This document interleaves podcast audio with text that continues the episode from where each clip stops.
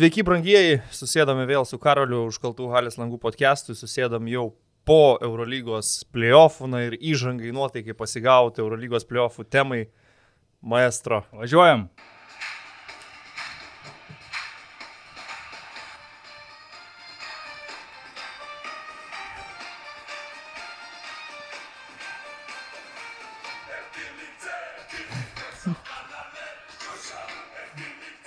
Legendinė melodija.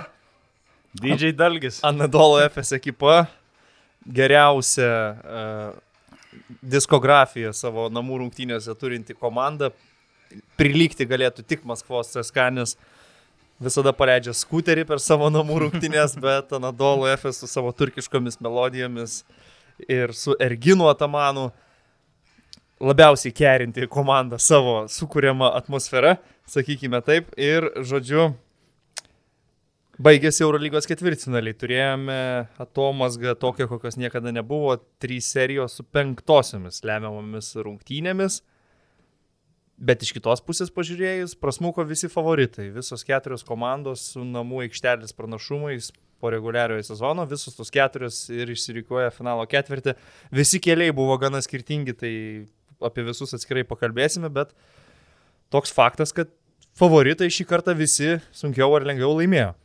A, sveiki visi, jo pasisveikinom su Anadolu himnu. Esi matęs tą YouTube video, kai prieš kokius dešimt metų Anadolų krepšininkai buvo sukviesti į teatrą, ten ar vyko kažkokia ar piesė, ar, ar spektaklis ir tiesiog vidury, vidury to spektaklio patys spektaklio aktoriai pradėjo dainuoti Anadolų himną, tada paleido e, šitą himną visų garsų ir žiūrovai apsimetę žiūrovais pradėjo plevesuoti Anadolų vėliavom ir ir, ir taip toliau, tai visai, visai įdomiai atrodo. Man rodos, nesu matęs šito performanso, bet himnas man yra įsimintinas, įstrigęs, aš jį labai dažnai pasileidžiu, kai dušė prausiuosi, nes užvedanti labai melodiją ir, ir, ir pas juos dar ta kita yra, kur... O kam tu reikia dušė užsivest? dienai, naujai dienai, kuri prasideda ne, nesvarbu. nuo dušo. Uh, ir, ir kita jų melodija yra, kur Mikutavičius įrašęs mhm. dainą tuo pagrindu tai irgi skambėjusi vakar Atamanui su gniauštais kumščiais triumfuojant prie komandos gerbėjų. Šiaip jeigu norit susirasti tą video, apie kurį kalbu, tai veskite arba Anadolo FS Anthem ir antras e, paieškos rezultatas YouTube arba pats video vadinasi Anadolo FS Sports Club Gets Caught by Surprise. Tai. O tai su kitais klubais, kas yra e, jų himnai ar kažkokia tematika ten visų pirma išeina iš futbolo. Ar tai būtų CSK, ar ten būtų graikų komandos, Anadol FS su futbolu, kadangi nieko bendro neturi, tai jau jų grinai viskas yra sukurta krepšiniui, himnas, klipai ir, ir taip toliau. Uh, jo, bet gal tiek apie himnus, daugiau vis tiek šiandien kalbėsime apie patį krepšinį. Tai šiaip visi keturi favoritai laimėjo. Kaip tai traktuoti, ar kad playoffai buvo nuobodoki ir lengvai nuspėjami, ar vis tiek turėjom penktų rungtynių trijose serijose reikėtų sakyti, kad playoffai buvo gana, ganėtinai sėkmingi, nežiūrint į tvarkaraštį, kad jisai buvo taip sudėliotas, kad e, sukėlė nemažą pasipiktinimo bangą. A, šiaip palinkėčiau tokių playoffų ir ateities Eurolyga ar, ar kitom lygom, nesvarbu, kad visi favoritai patenka, bet jeigu tokia intriga bent jau kai kuriuose serijose išliek, išliekant iki, iki pat serijos galo, kai kurios rungtynės baigėsi ten arba metimais pergalingais, arba Arba tiesiog viskas vyksta iki pat rungtynių galo, tai tikrai palinkėčiau tokių atkrintamųjų iš esmės bet kuriai lygiai, nesvarbu, kad jie mm. visi favoritai jo. pateko. Jo, sutinku, dėl azarto, dėl intrigos, dėl emocijos, tai tikrai ir kaip žiūrėjau, tarkim, Zenito mačus su beveik pilna St. Peterburgo arena, tai tada taip pagal... Keturios su pusė štukos. Pagalvodavau, blemba, jeigu visose kitose arenose irgi per šitus playoffus būtų pilna žmonių, tai tikrai fantastiškai atrodytų ir Münchenė, ir... Ir Barcelonoje, ir, ir Turkijoje, kur Anadolų, kai yra laiminti komanda, jie, jie sutraukė tos ir galius, jie turėjo fanų arenoje, bet labai mažą kiekį ten, turbūt 500 ir kažkas panašaus. Turkijoje namų rungtynės galėjo stebėti. Šiaip Bayernas, kaip pastebėjau, mėgsta žaisti, mano nuomonė, E, Eurolygos metų rungtynės, nes prieš kelis metus jie žaidė namie su Feneriu, man iki tol tos rungtynės yra įsiminę kaip geriausios mhm. tą sezoną, šį sezoną, man atrodo, ketvirtos rungtynės prieš, prieš Milaną atrodo kaip aiškios metų rungtynių favoritės, nes ten buvo ir tokių efektingų epizodų ir, ir viskas e, vyko iki galo ir kokios svarbos rungtynės ir, ir besiveinti komanda išlygino persvirę rezultatą, labai daug emocijų, labai daug gražių momentų. Wow. Nu, prieisim dar prie konkrečių rungtynių ir konkrečių detalių, gal taip pailiui eidami per serijas. Pasakysiu tiek, kad uh, bent jau sprendžiant iš socialinių tinklų, Müncheno Bayerno vienas iš komandos simbolių, Tomas Mülleris vakar e, rinkosi žiūrėti Eurolygą, ne čempionų lygos rungtynės, e, labiau sudomino savo klubo interesai nei tai, kas vyko tuo metu futbolo aikštėje. Bet aš norėčiau paklausti iš tos serijos, e, kaip Sofos ekspertas sako, nu aš tai kitaip daryčiau. Tai iškelčiau vat, būtent tą tvarkarašio klausimą, jau daug aptarta, apkalbėta, bet uh, Kaip, kaip, kaip, kaip tu įsivaizduotum optimalų tvarkaraštį šitoj situacijai? Tu turi 3 Game 5, tu faktas Eurolyga jau seniai tą demonstruoja, kad vengia susikirtimų su UEFA čempionų lyga, nes televizijos reitingams tas smarkiai kenkia. Kaip būtum dabar va, tas, tuos 3 Game 5 dėliojas? Ar į 3 skirtingas dienas, ar kažkaip 2 į vieną, vienas į kitą, kokį įsivaizduotum tokį optimalų variantą, kad sirgaliai liktų laimingi? Aš būčiau dėliojęs taip, kad, e, tarkim, mano dolų su realu būtų žaidę, tarkim, ketvirtadienį savo laiku, tokiu kaip ir žaidė, nesikarta su čempionų lyga, baigėsi iki Europos lygos UEFA, nes ten irgi fanų zonos turbūt kažkiek persi, e, persikerta, o dvi likusios Game 5 būtų žaidžiamos penktadienį, mano nuomonė, vienos 8, mm. kitos 10, kaip ir, kaip ir iki šiol visiškai tą patį variantą ir aš buvau apgalvojęs ir pamastęs. Aš suprantu, kad jis dabar jau nebuvo įgyvendinamas, jau buvo per vėlų tai organizuoti, nes klubai, komandos savo planus susidėliojusius, čia tiesiog reikėjo anksčiau apie tai mąstyti ir galvoti ir pažiūrėti galų galę tas datas, kada yra čempionų lygos pusfinalis žaidžiamas, e, nes kaip tu rašiai ir paustė Facebook'e, Eurolyga nuo pat tada, kai pradėjo reguliarų į sezoną žaisti savo principų dviem ratais, kad visos komandos žaidžia su kiekviena po du kartus, dvigubos savaitės pastoviai taikydavo, kad nebūtų tuo metu čempionų lygos, kad nesikirsti su UEFA. Gal net rinktinėm? E, ne, ne, su rinktinėm man atrodo, kad nebuvo tos to tokio prioriteto, bet dabar nepasakysiu, nes šis sezonas truputėlį kitoks, specifinis, kadangi čempionų lyga vykdavo kiekvieną savaitę grupio etapas, dėl mhm. pandemijos mhm. viskas taip labiau suspausta, bet tuo normaliu įprastu sezonu mes prisimenam, kad Eurolygos dvigubą savaitę yra tada, kai antradieniais ir trečiadieniais nereikia konkuruoti su futbolu ir jie labai sėkmingai tą pasitvarkydavo. Bet čia playoffai, čia jau tos rungtynės, kurios turėtų būti pačios žiūrimiausios. Ir bam, pakonkuruokim su Manchester City, Paris Saint Germain. Tai kažkaip labai labai nelogiška tai atrodo. Kitas dalykas dar aš ką pridėčiau, mes kalbam apie intrigą, tu sakei, kad linkėtum tokių playoffų visoms lygoms. Man asmeniškai tai šita ketvirtfinalių intriga tik tai sukelia papildomo tokio noro, stimulo pagalvoti, kaip atrodytų Eurolyga, jeigu ir pusfinalius, ir finaluose žaistų serijas, ko aš tikrai pats labai norėčiau. Nors tas finalo ketvirto formatas toks nepajudinamas ir niekas nesvarsto jo pakeisti, bet kai žiūri visas šitas serijas, Paskualį prieš Šarą, Mesina prieš Trinkierį ir taip toliau, pagalvoju, kad dabar jeigu dar pusfinaliuose tai turėti ir paskui galų gale finale, kur jau dvi geriausios komandos žaistų iki trijų pergalių, būtų tikrai fantastiškas produktas, mano nuomonė.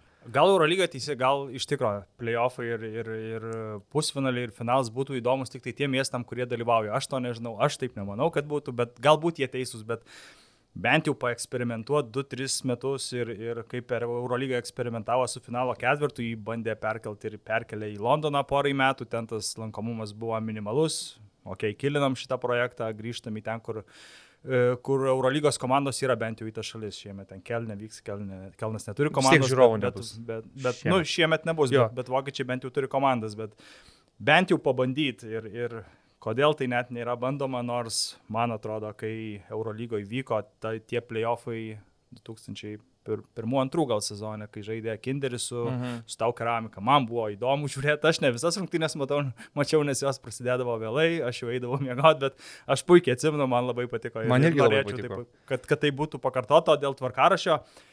Aš Eurolygos nekaltinu. Man atrodo, kad šiuo atveju kalčiausi yra klubai, kurie išsirenka tą vadovybę. Jeigu jiems 15-17 metų tinka toks vadovavimas, uh, tokie Eurolygos vadovai, nu tai tada jiems, jiems tinka. Aš aš sugalvojau, man atrodo, visai adekvatų pavyzdį. Čia kaip žmogus išsikviestų taksi, važiuoti, tarkim, į miestą ar kažkur penktadienį vakare. Taksistas atvažiuoja, bet jis yra visiškai girtas. Nu, gatavas visiškai. Žmogus tai mato, bet vis tiek jis įsėda į taksi, taksi važiuoja ir dėl to girto vairuotojo tas žmogus pakliūna į avariją.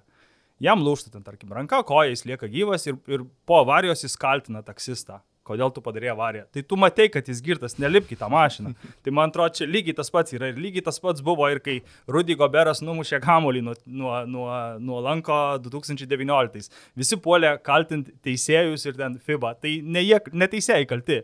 Teisėjai teisėjavo taip, kokio jie yra lygio.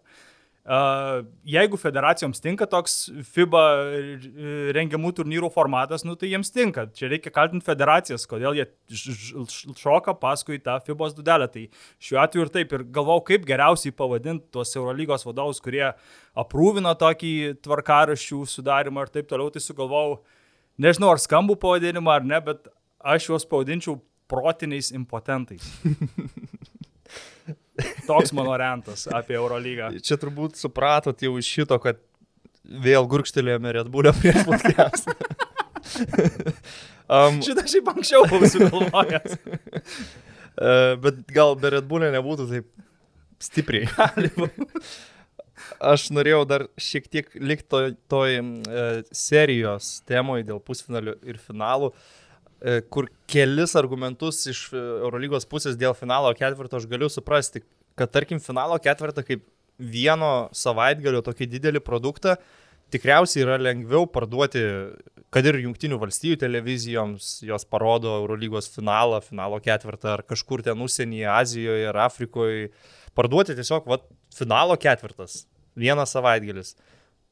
Parduoti seriją finalo kad žiūrėtų tas visas rungtynės, kur net transliacijas neaišku, visas nusipirktų, bus. neaišku, kiek jų bus, kokios jos bus. Galbūt yra kažkiek sunkiau. Kitas momentas, jeigu padaryti serijas dar iki trijų pergalių papildomas ir pusfinalio ir finalo, tos komandos, kurios nueitų šitą kelią, aš jau nebeįsivaizduoju, kaip jo žaistų savo nacionaliniuose čempionatuose. Tarkim, dabar jeigu tu imtum Ispanų ACB komandas, paimkime Barsą. Įsivaizduokime Barsos tvarkaraštį su penkių rungtynių ketvirtfinaliu, po to penkių rungtynių Eurolygos pusfinaliu. Galimai penkių. Nu, tai galimai, aš čia svarstau hipotetinius scenarius. Ir dar penkių rungtynių finalu. Ir šalia viso to tau dar reiktų sužaisti Ispanijos ACB playoffus, kur gal su realu irgi turėtum, aš nežinau dabar, jie iki 3 ar 4 pergalių žaidžia. Ispanijoje niekada iki 4 nebuvo. Iki 3 ar ne? Ten, ten gal dar vat, kokia 5 rungtynių serija ir finale, ir pusfinalėje. Tai jau gaunasi nenormalus skaičius rungtynių, nenormalus skaičius playoffų rungtynių, kur tu turi viską sužaisti realiai per gegužę, plus gabaliukas birželio ispanų finalams. Ir Čia dar viena problema, kad jeigu jau eit prie tokio modelio, tikriausiai jau galutinis būtų žingsnis link to, kad klubai traukiasi iš, iš nacionalinių pirmenybių, aš taip įsivaizduočiau. Jo, jeigu toks formatas būtų kada nors pritaikytas Eurolygoje, tai aš matau tik vieną žingsnį, kad Eurolyga bent jau nuo pusfinalių žaistų tada, kai baigtųsi nacionaliniai čempionatai. Ir Eurolygos finalas būtų tas skambiausias sezono akordas ir po jo nereiktų blaivytis ir už trijų dienų važiuoti ten į kokį nors mažą miestelį žaisti vietinio čempionato. Bet čia tada vėl kenčia žaidėjai, kurie vasarą dar turi važiuoti į nacionalinės rinktinės, tai tas tvarkaraštis neguminis. Uh, tarkime, šį sezoną jau reguliariajame buvo tie visi trukdžiai su nukelinėjimomis rungtynėmis, aišku, tai yra pandemija, kiti sezonai tokie gal nebus, bet e, kai reikia nukelinėti rungtynės, mes pamatome, kaip yra gana sunku surasti datą, surasti, kada tos rungtynės bus žaidžiamos. Ir susiklosto tokie, tokios situacijos, kad jau realiai pabaigus reguliarųjį sezoną dar kelios komandos turi sužaisti rungtynės, kurių nesuspėjo.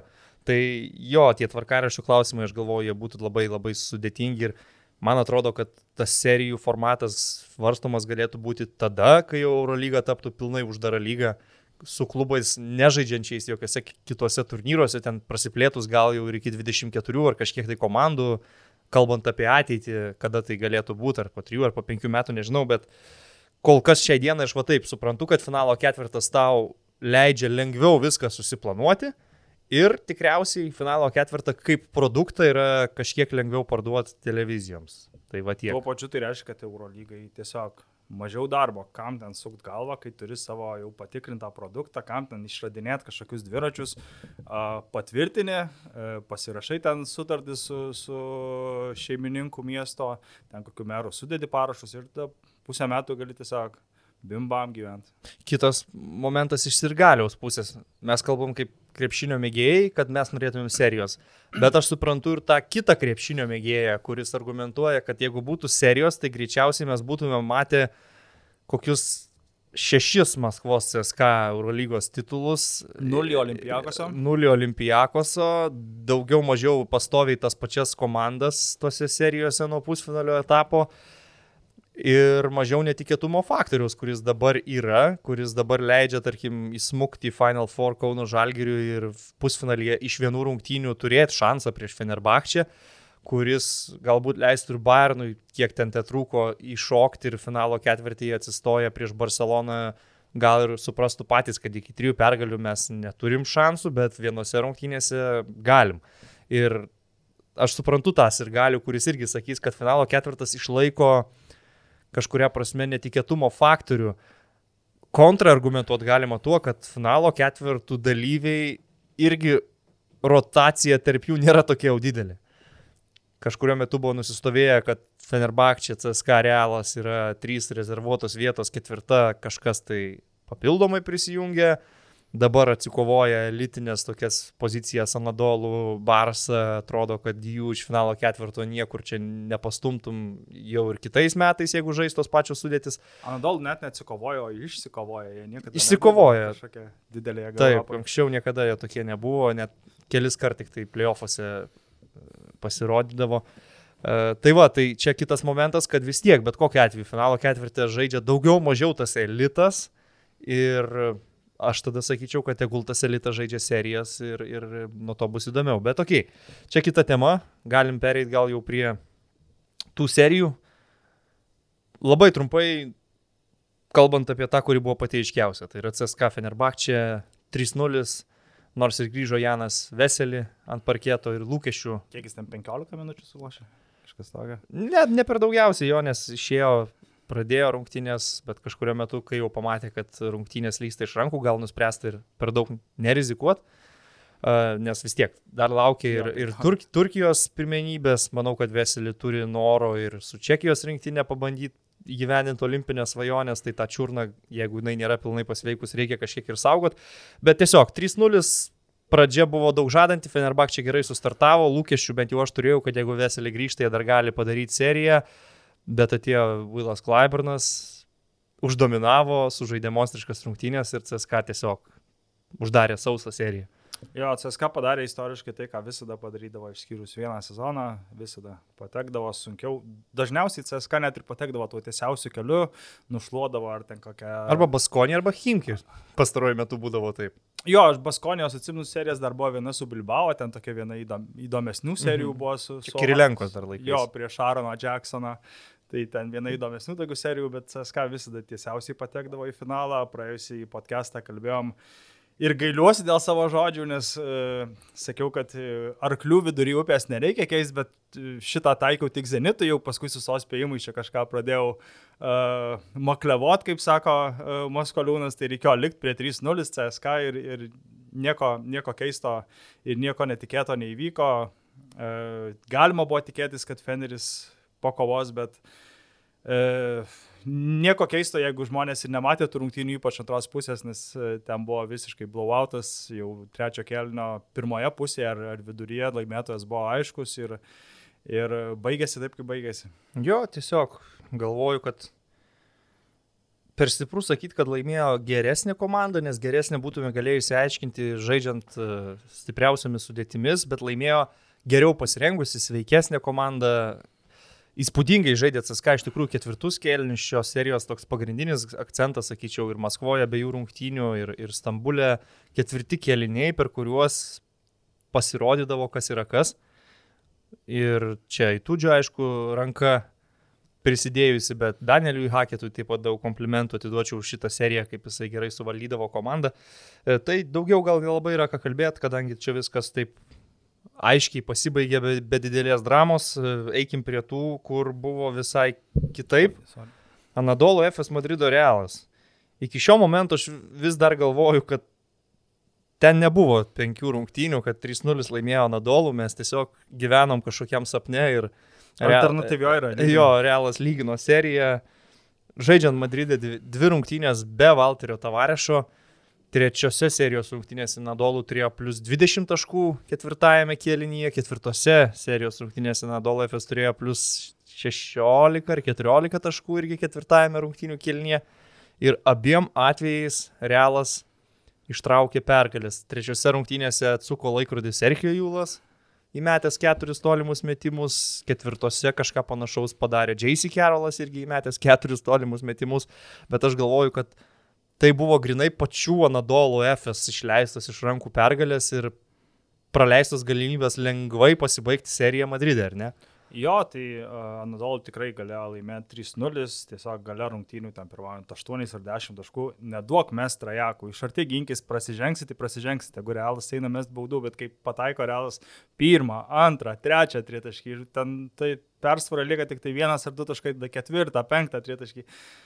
Labai lengvai paleisti. Bet ir patys nustojo žaisti, nes 0-16 atkarpą prasileidė ir dėl to, kad polime pats nustoji žaisti, darai 24 sekundžių atakas minkai kamolį ir atakos baigėsi metimais per rankas paskutinę atakos sekundę.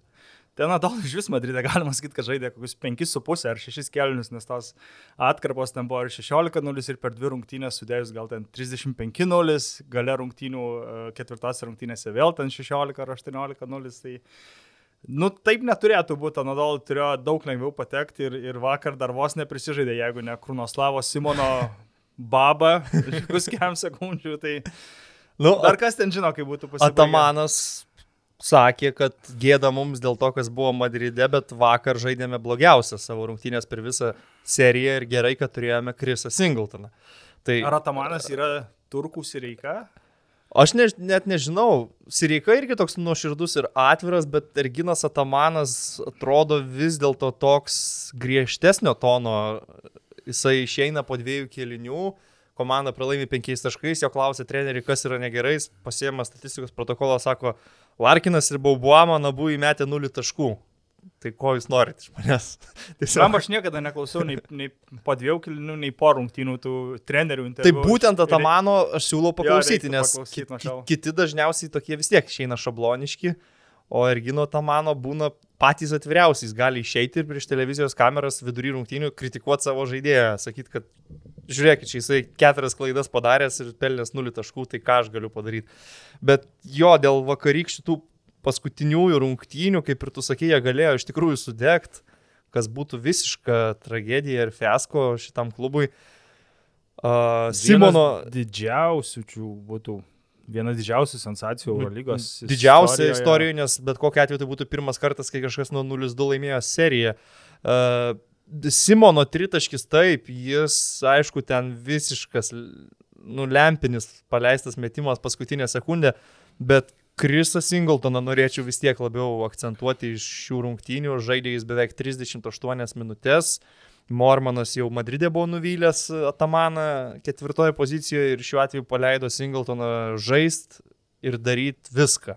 Tiesiog absoliučiai viską. Gynyboje, polime, karjeros rungtynės, 36 gal naudingumo balą ir kažkas tai tokio, daug gynybinių epizodų ir Krisas Singletonas šiuo atveju tapo to tokiu žaidėjų perlau, perlaužinėjančių rungtynės Anadolo FSU netgi nuo pat pradžių, aš pasakyčiau, nes jis jau pirmose atakose buvo labai agresyvus, nes pavyzdžiui, Šeino Larkino reikėjo laukti iki ketvirto kėlinio, jis iki ketvirto kėlinio iš vis nebuvo pelnęs taškų, ketvirtam aišku labai svarbu, kad prabilo ir tuos aštuonis sumetė.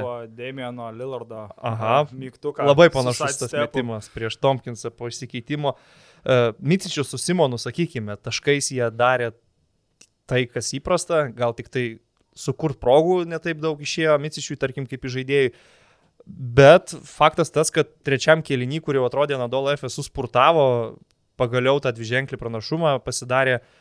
Realas rado vėl kaip grįžti. Grįžo su Tomkinso tritaškiais, grįžo su veteranų penketu dar kartą ir prasideda prieš paskutinę minutę, Realas pirmauja rungtynėse ir jau tokioje situacijoje tu prieš tuos veteranus kažkaip net ir nestatytum, nes tu žinai, kad išsitrauks tuoj koziris Serhijo Jūlas, gali Rudy Fernandesas, nes jam įtampa neslėgė tikrai smegenų.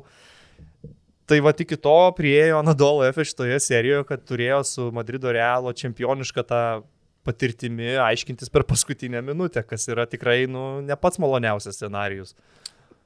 Tai kaip vakarėlą žaidė, tai ir buvo tai, už ką aš, už ką aš stačiau, už Madrido tą patirtį, už, už čempionišką charakterį, už visą tą karjerą, visas tas karjeros rungtynės, kurias yra ir Julas, ir, ir Fernandesas pražaidė svarbiausiose rungtynėse, tikrai aukšto rango e, turnyruose, tai tikėjau, kad, kad gali ištraukti, bet nu, Anadol tiesiog per gerą komandą, bet aišku, peržaistumėm tas paskutinės dvi minutės, kai Realas pirmauja ten vienu ar dviem taškais, joms prasidedant, tai turbūt penkis kartus laimėtų Realas, penkis kartus Anadol. Gali būti, nes įvyko tokie dalykai, kurie nėra nei kontroliuojami, nei prognozuojami. Simonas įmeta super sudėtingą metimą paskutinę sekundę, kitoj aikštelės pusėje panašų metą Serhijo Jūlas nepataiko. Tai vėlgi Serhijo Jūlas yra specialistas tų tokių metimų. Nebuvo ten labai jau bloga situacija, pavyko atkirsti Micičių su užtvarai, mestų vėl būtų lygų, vėl būtų nervų karas, neįmetė, Singletonas atsikovojo, pražanga, baudų metimai, Singletonas praktiškai užsidaro rungtynės. Jūlas dar traja. Jūlas dar pro pažastį, pro Micičiaus pažastį dar tą vieną įmetė, bet jau laiko tiesiog taip, nebe, taip, nebebuvo. Tai faktas, kad jau žaidžiant tokią pabaigą, ar tu ten talentingesnė komanda, ar geresnė, šitie faktoriai eliminuojasi ir, ir lieka žaisti, laimės tas, kas ramesnis. Jo, tai iki tol buvo 198 minutės serijoje, tai jeigu tu per tiek laiko neįrodėjai, tai per tas dvi minutės ten to savo taiklumo, greičio ar, ar dar kažkokios energijos jau nespėsi pademonstruoti. Tai Realas visiškai nusipelnė pagarbos už šitą seriją. Pablo Laso, tarkim, už tą tokią mišrę gynybos sistemą pusiau zoninę, kurią reikėjo nuo pat trečiųjų rungtynių Madride ir išmuždavo truputėlį iš vėžių Anadolų krepšininkus. Um, Tavarešas grįžo lemiamose rungtynėse, jo irgi faktorius buvo gana didelis, polime atkovoti kamuoliai ypatingai. Ir čia dar paminėčiau vėlgi Atamano tą tokią ramybę, ant kiek jisai niekada nesupanikuoja ir suvadovauja vat, lemiamose rungtynėse kaip eilinėme reguliariojo sezono mače. Šanly šiandien žaidžia truputį prašiau, Danstonas irgi. Aš išmesiu į aikštę Tiborą Plaisą, kuris trina suolą 2-3 mėnesius įleido, tritaškis kablys, tavarešui porą pražangų, pasiteisino, bet, nu, ne kiekvienas treneris turbūt tai pasiryštų pakelt nuo suolo trečio kėlinio gale. O jis visą seriją? Ir žais ketvirtą kėlinį, būtent centrą, kuris visą seriją pakildavo tik tai prie plus 20 rungtynių pabaigose. Bet, va, Tamanas sako, bandom. ir išleido, ir paėjo. Tai taip ramiai atrodo, ten iš galinės Anadolų išsimetinėjo, pasėmė kamuolį, liko 14 sekundžių iki atakos galo, lemiamos rungtynės, ten pats galas, pasėmė, iš karto išmetė trajeką. Easy trajakėlis. Ramų. Kablį, kablį paskui įmetė, sakau, tavarešui tas pražangas porą išprovokavo. Pasiteisino, kaip ir tarkim tas pasikeitimas su Krisu Singletonu, kad jeigu Mormanas nefunkcionuoja, eina Singletonas ir žaidžia beveik visas rungtynės be, be keitimų. Uh, Šiaip dar Laparovitovo man patiko, gale rungtynių ten susimetė. Nustebino, aš sakyčiau. Nes, pavyzdžiui, trečiose ir ketvirtose rungtynėse Realas abu kartus laimėjo, bet jis per abi rungtynės nepelnė nei taško. Mhm. Tai toks. Tai nustebino Įdomus. šiaip realo įžaidėjai ir tas pats Karlosas Alasenas jaunuolis, tarkim, vakar turėjo fantastišką pirmą kėlinį, pradžioje rungtynių netgi toks kaip lyderis žaidė aikšteliai per pirmą kėlinį 7.3 rezultatyvus perdavimai. Daug kas iš realo pusės pagal tai, kokios būklės yra ta komanda šiuo metu, daug kas tikrai maloniai nustebino ir visi puikiai suprantam, kad kitą sezoną grįž jau kitoks Madrido realas, pasikeitęs tikrai atsinaujinęs, manau, ypač žaidėjo pozicijoje. Tas pats Vensanas Paurė centras, kuris dabar žaisti gali tik Ispanijos pirmenybės, jau bus pilnavertis komandos narys ir manau, kad grįž realas vėl su finalo ketvirto ambicijomis. Bet vienas geras dalykas iš šito sezono, sunkaus pandeminio sezono su traumomis, su Kampacu ir Deko išvykimais į NBA, yra tai, kad Pablo Laso, manau, labai pasikėlė savo vertę ir tiesiog parodė ir savo klubo vadovams, kad Realas anksčiau skindavo titulus, bet kalbėdavom daugiau apie žaidėjus, ar ne, kad labai talentinga komanda ir žaidžia labai įspūdingą krepšinį, bet vat, per tokį sezoną pasimatė, kad turi patyrusi, sumanų, gudrų trenerį, kuris vis tiek išspaudė, aš sakyčiau, labai daug. Iš esmės Maksima, tai sezonas dar nesibaigė, prieš sezoną jie ten laimėjo tą, ne karaliaus taurę, bet Super super taurę, taurę, man taip. atrodo, jo, prieš Barsą. Tada karaliaus taurę finale pralošė, bet vis tiek nuėjo iki finalo, tada Ispanijoje jie ramiai pirmauja, ten žaidžia istorinį sezoną čia. e, Pasipriešino Anadolui iš esmės geriausiai paskutinių dviejų sezonų Eurolygos komandai. Aš vis dar galvoju, kad Kinija yra skolinga Anadolų praėjusio sezono Eurolygos titulą. Kinį. Ai, okay, supratau. Uh, nu, Atamanas sakė, kad ne tai, kad praėjusią sezoną, jis sakė, mes Dešimtmečio. paskutinius du metus jaučiamės čempionais, dabar trečią kartą važiuosim į finalo ketvirtą ir bandysim laimėti. Bet šiaip dar kalbant apie Laso, aš e, mačiau, matėsi iš jo kūno kalbos net ir pirmose dviejose rungtynėse, kai Nadolų įgyja 15 ar 17 taškų skirtumą, vos, at, vos vieną ar dvi atakas realus užpuola, vos sumažina ten iki 13. Ir, ir, ir Pablo Laso atrodo, kad įsijaučia į tas rungtynės iš naujo ir, ir vos tik vienas, e, tarkim, prastas epizodas gynyboje ir vėl tas planas griuvo, bet jis atrodo, kad tiki savo komandą ir, ir nesvarbu, ar ten 20 ar 15 taškų jie pralašinė, bet tiki pergalę ir tai atsispindėjo trečiose ir ketvirtose rungtynėse. Ir iš realo žaidėjų dar paminėčiau jaunai Usmaną Garubą, kuris tuo metu, kai nebuvo Tavarešo, tapo grinai kertinių priekinės linijos žaidėjų ir ab- abiejas rungtynės Madridė sužaidė gana įspūdingai. Lemba, aš negalvoju, kad jam tik 19 metų. Būtent. Prieš du mėnesius ja. Jisai labai jaunas ir debitavo ACB pirmenybėse, gal 16 apskritai, tiksliai nepamenu. Bet e, klausimas toks, ar tavo manimu va, tokie keli pasirodymai Eurolygos playoffuose dar kažkiek turėtų pakelti NBA skautų akiratyje prieš naujokų biržą, ar labiau galvotum, kad NBA skautai yra tokie pragmatiški ir jie jau yra susidėlioję garubos kaip žaidėjo profilį ir daugiau mažiau viskas ten jau projektuojama ir, ir aišku, ir niekas labai nesureikšmina dviejų tokių pasirodymų. A, tai tos prognozijas mock draftuose atnaujinamos vos ne ten gal kasdien ar, ar, ar kas savaitę, tai e, nėra aišku, kas, kas bus pašauktas. Pirmas, antras, trečias, ten dešimtukas iš esmės paaiškėja tik tai tą pačią naktį, kai, kai jie ir būna draftuojami. Tai kiekvienas, man atrodo, geresnis pasirodymas, net nesvarbu, ar, ar Eurolyga, ar vietinis čempionatas, kiekvienas savo fiziškumo galios parodymas, e, kiekvienas e, parodymas prieš kameras, kaip gerai tu gali gintis prieš, tarkim, 10-15 metų vyresnius, vyresnius savo oponentus prideda. Man tai, kai jisai susigina prieš Vasiliją Mitičių perimetrį, tai yra tikrai fantastika. Ir tada tu matai tą NBA medžiagą, matai dėl ko jisai to, toks vertinamas. Puikiai kova dėl atšokusių kamolių irgi svarbus ep- momentas. Ir jis bando pridėti akivaizdžiai metimą, kad galėtų praplės kažkiek polimą, žaidžia neretai ir ketvirtoj pozicijoje. Ir man atrodo, Jonas Lekšas neblogai yra jo metimą palyginęs su Elo Horfordo. Kol kas nėra to stabilaus pataikymo, bet pati išmetimo technika, kai jis meta tritaškį arba iš vidutinio nuotolio, tikrai gana panaši į NBA veterano. Ir jeigu jis pradėtų pataikyti, ir aš tikiu, kad kažkada pradės, tai jis turi viską. Visus duomenis absoliučiai, nes ta gynyba, kaip jisai perimetre dirba kojomis prieš tokį vikrų, staigų, veržlų micičių, yra tai, ko ir reikia NBA lygoje Ir paprasčiausiai. Horfordas visą laiką NBA ir buvo uh, garbinamas dėl savo gynybos, dėl to, kad gali pasiginti. Elitiniam lygiai prieš iš esmės, gal ten prieš Lebroną neapsigindavo. Viens ar vieno po išsikeitimo. Prieš Lebroną tik J.J. Barė apsigindavo Jo, jo, per visą 11. NBA istoriją. Bet prieš visus kitus galėdavo apsiginti ir galėdavo susimesti. Matau, kad dabar jis pienas projektuoja garubai į 15 šaukimą. Tai matyt, kad jis nepretenduoja ten į top 5 ar, ar kažkas tokio, bet pretenduoja ant tos ribos tarp loterijos. Nors, ir- žinai, ir- yra Ispanijos lygos playoffai, jeigu ten dar įspūdingų pasirodymų būtų iki top 10, gal visai ir įmanoma. Jo, bet matai. Aišku, mes nežinom tų NCA talentų. Jo, jo, jo, ir čia nėra taip, kad tu gerai pasirodai ir pakyli iš 15 Turbūt, vietos į 14, nes ieško pagal, pagal tai, ko komandoms reikia. Tai jeigu Jo. tu nesi pirmas PF, kurio reikia, tarkim, naujokų biržoje, ir, tarkim, geriausias PF yra draftinamas ten ketvirtų numerių, tai tu iškart krenti ten vos ne iki 17 mm. vietos, nes visos kitos komandos ieško arba centro, arba žaidėjo. Jo, teisingai sakai. E, Gerai, užbaigiant tą seriją, aš dar pasakyčiau, kad Šeinui Larkinui ne per geriausia serija iš tikrųjų buvo gana sunki tokia ir lemiamose rungtynėse tie pirmieji metimai, mėgstami jam metimai po užtvaros ar į lentą, ar į lanko priekį, krisdavo ketvirtą kėlinį sužaidė, bet aš galvoju, kad finalo ketvirtį tikimasi pamatyti kur kas geresnė Šeino Larkino versija. nes iš tikrųjų Šeino Larkino virsmas iš gero žaidėjo į super elitinį žaidėją būtent ir įvyko, kai Anadolu FS pirmą kartą pasiekė finalo ketvirtą.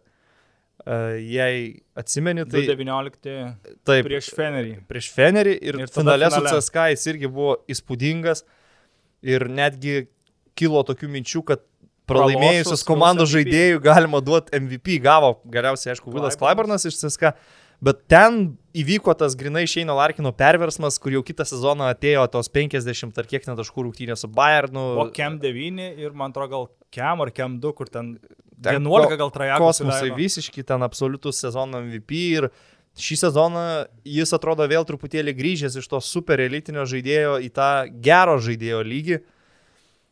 Bet čia turbūt daug faktorių, nes kaip sakė Krisas Singletonas vakar, sezono pradžioje, pirmoji pusėje būdavo, kad mes šešiesi ateiname į treniruotę, kažkas turi COVID, kažkas traumuotas ir normalu, kad negalėjom rodyti savo geriausio krepšinio. Ir tas- Kažkas žaidžia už Turkijos rinktinę. Irgi buvo ta tokia situacija, jo, kur Larkinas žaidė nenormalų kiekį rungtynių per, per 4-5 dienas. Ir vis tiek loždavo dar ir vietiniam čempionate.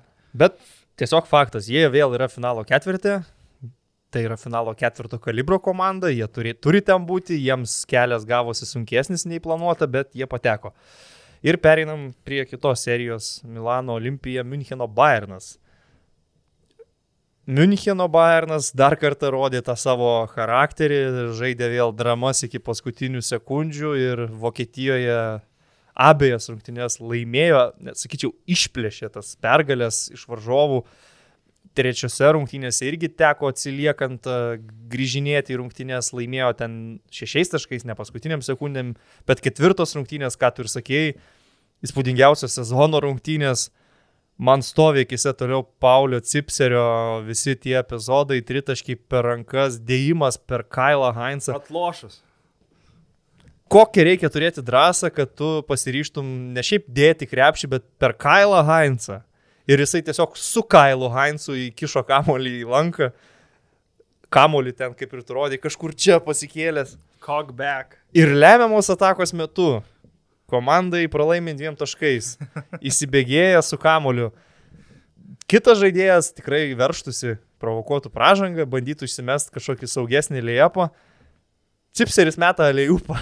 Lučičiui, Lučičius ore pasigauna kamolį dviem rankom, deda per šilcą su pražanga. Čia irgi kažkas, ko tu tikėtumės turbūt tik iš Lebrono Jameso, kad playoffuose jisai va taip va Per, James, per Jason Terry su, su grūsų bauda ir su pačiu, su pačiu kas Jasonu nors tokio, bet Bayerno vat, žaidėjai sužaidė tikrai kosminį krepšinį tose rungtynėse ir reikėtų paminėti, kad vėlgi jie atsilikinėjo. Minus 10 po dviejų kelinių, minus 10 ketvirtam kelinį. Visada atrodė, kad Milanas kontroliuoja rungtynės, bet pavyko išlyginti seriją 2-2. Jo ketvirtos rungtynės buvo tikrai, jau, jau minėjau, labai įdomios. Man atrodė, kad trečio kelino gale, kai Polas Cipseris prie minus penkių prametė laisvas tritaškį ir Šiltas tada persivaręs per pusę aikštės nesąmonę paleido, įmetė nuo lentos minus aštuoni ir tada sekančioje atako iškart ketvirtam keliniai pradžioj Milanas pasidaro minus dešimt, kai atrodo prieš dešimt žaidimo sekundžių galėjo būti tik minus du, minus dešimt ir tada porą minučių dar e, Kevinas Pantneris e, atsako į visus Bayerno taiklius metimus, galvojau, kad Milanas tada ir užsidarys, nes tada buvo kertinis momentas, kai galėjo būti tik minus 2, o Milanas pasidaro minus 10, minus 12, tai pasirodo klydau. Man tai kosminė yra ta nuotrauka iš, iš Bayerno Instagramo, kur užfiksuotas Lučičiaus kamulio, ka, kamulio tas pagavimas ore ir, ir Mesinos reakcija matosi, kai jis jaučia, kas tuoj bus, jaučia, kad pareina Lučičiaus dėjimas ir baisiausia, kad dar su pražanga, nes Lučičius įmeta baudą ir jau išveda į priekį jo. Bayerną, bet tas kadras, tai jeigu čia metų rungtynės, tai aš sakyčiau, čia galėtų būti metų Eurolygos nuotrauka. Ir buvo ir kita nuotrauka, kai žaidė da su Feneriu. Tik neatsimenu, kuris ten Bayerno futbolininkas. Ten buvo Davidas Alaba, Alaba. Su, su dar tuo metiniu Bayerno treneriu Niko Kovaču šėlstantis e, tribūnose. O Alaba Austras, Vokietis? Austras. Austras. va. Austras. Uh, jo, tai Bayernas padarė didžiulį darbą namie, išlygino seriją 2-2 ir vakar tos lemiamos rungtynės. Aš turiu visų atsiprašyti tikrai. Komentavau Anadolų, paskui futbolą, grįžau gana vėlai, neradau savį jėgų peržiūrėti įrašus, tai penktųjų rungtynių Milano su Bayernu nemačiau, penktų rungtynių Barso su Zenitu nemačiau, bet Karoli, tu gal apie tą pabaigą Milano Olimpija Bayernas. Vėlgi Mesinos komanda turi pergalę kišeniai, bet prasideda kažkokie cirkai.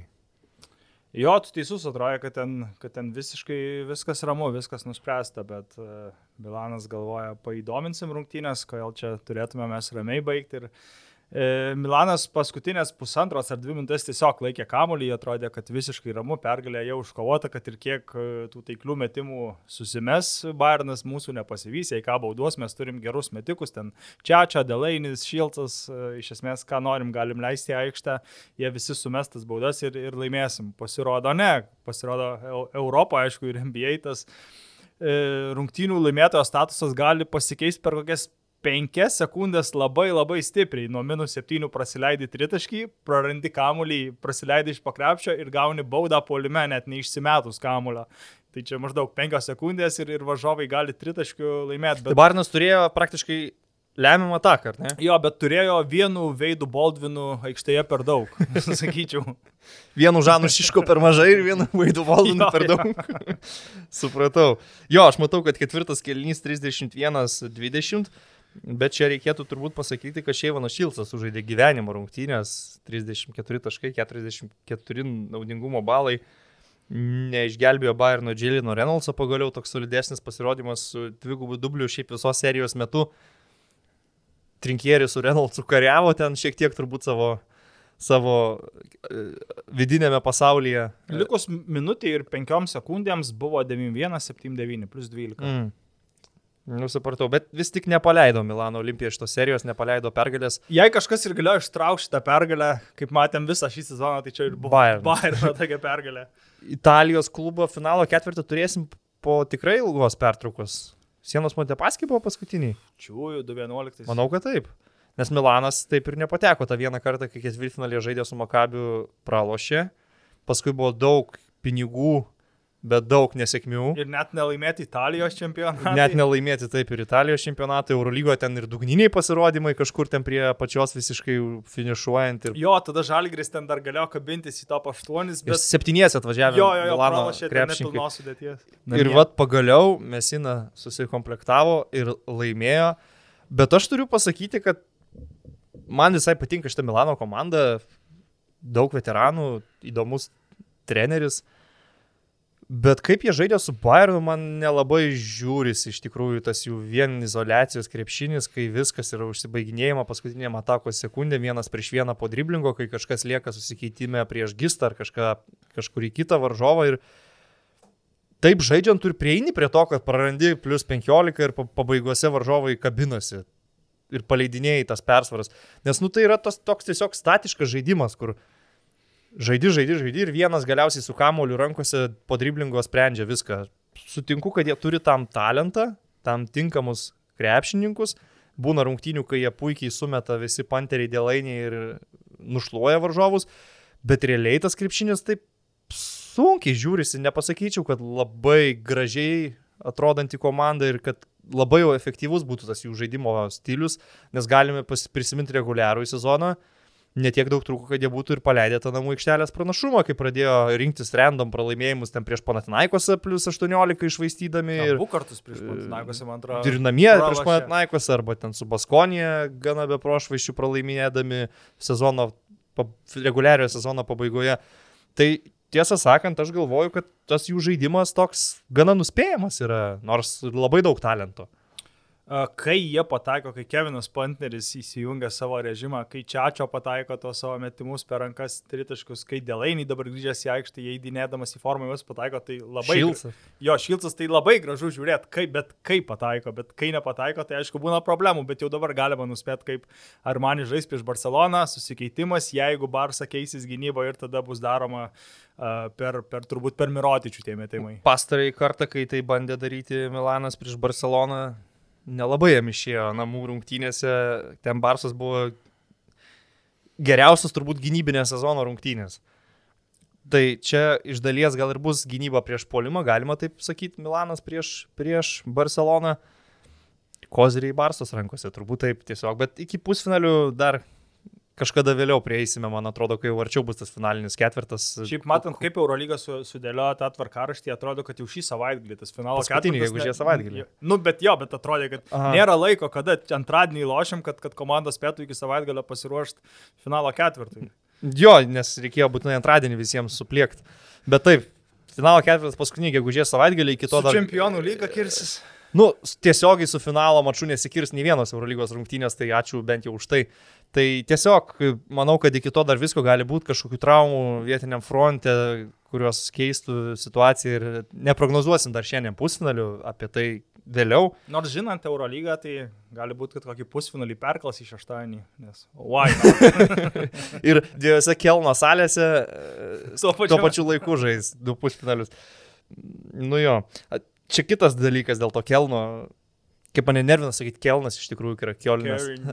E, bet amerikiečiai, tie Eurolygos žaidėjai, pradėjo ten diskusijas Twitter'yje, kad kodėl jie žaidžia iš vis tame mieste, kur griežtas karantinas ir sirgaliai negali patekti į arenas. Kai... Nes Eurolygai mažiau darbo. Nu, Kam perkelinėt kažkur?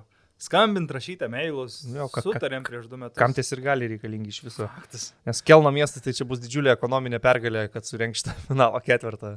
Nu viešbučiai kažkiek su, suklėstės dėl atvykstančių klubų ir atstovų. Koks Kaunui pasiūlytų, gal iškart, iškart sutiktų, nes esame ištroškę tą aukščiausią lygą krepšinio. Be žiūrovų. nu taip, be žiūrovų. E, tai va, Milanas Bayernas 3-2 ir paskutinė serija Barsa Zenitas. E, Piteryje buvo ta tikroji atmosfera su žiūrovais, su Artiomu Dziuba. Irgi abiejose namų rungtynėse Barcelona tas tokias kaip amerikiečiai sako, pivotal game.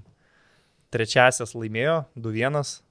Zenitas prispaustas prie sienos, mano manimu, įspūdingai sureagavo, įspūdingai spėjo per porą dienų paruošti surprizų.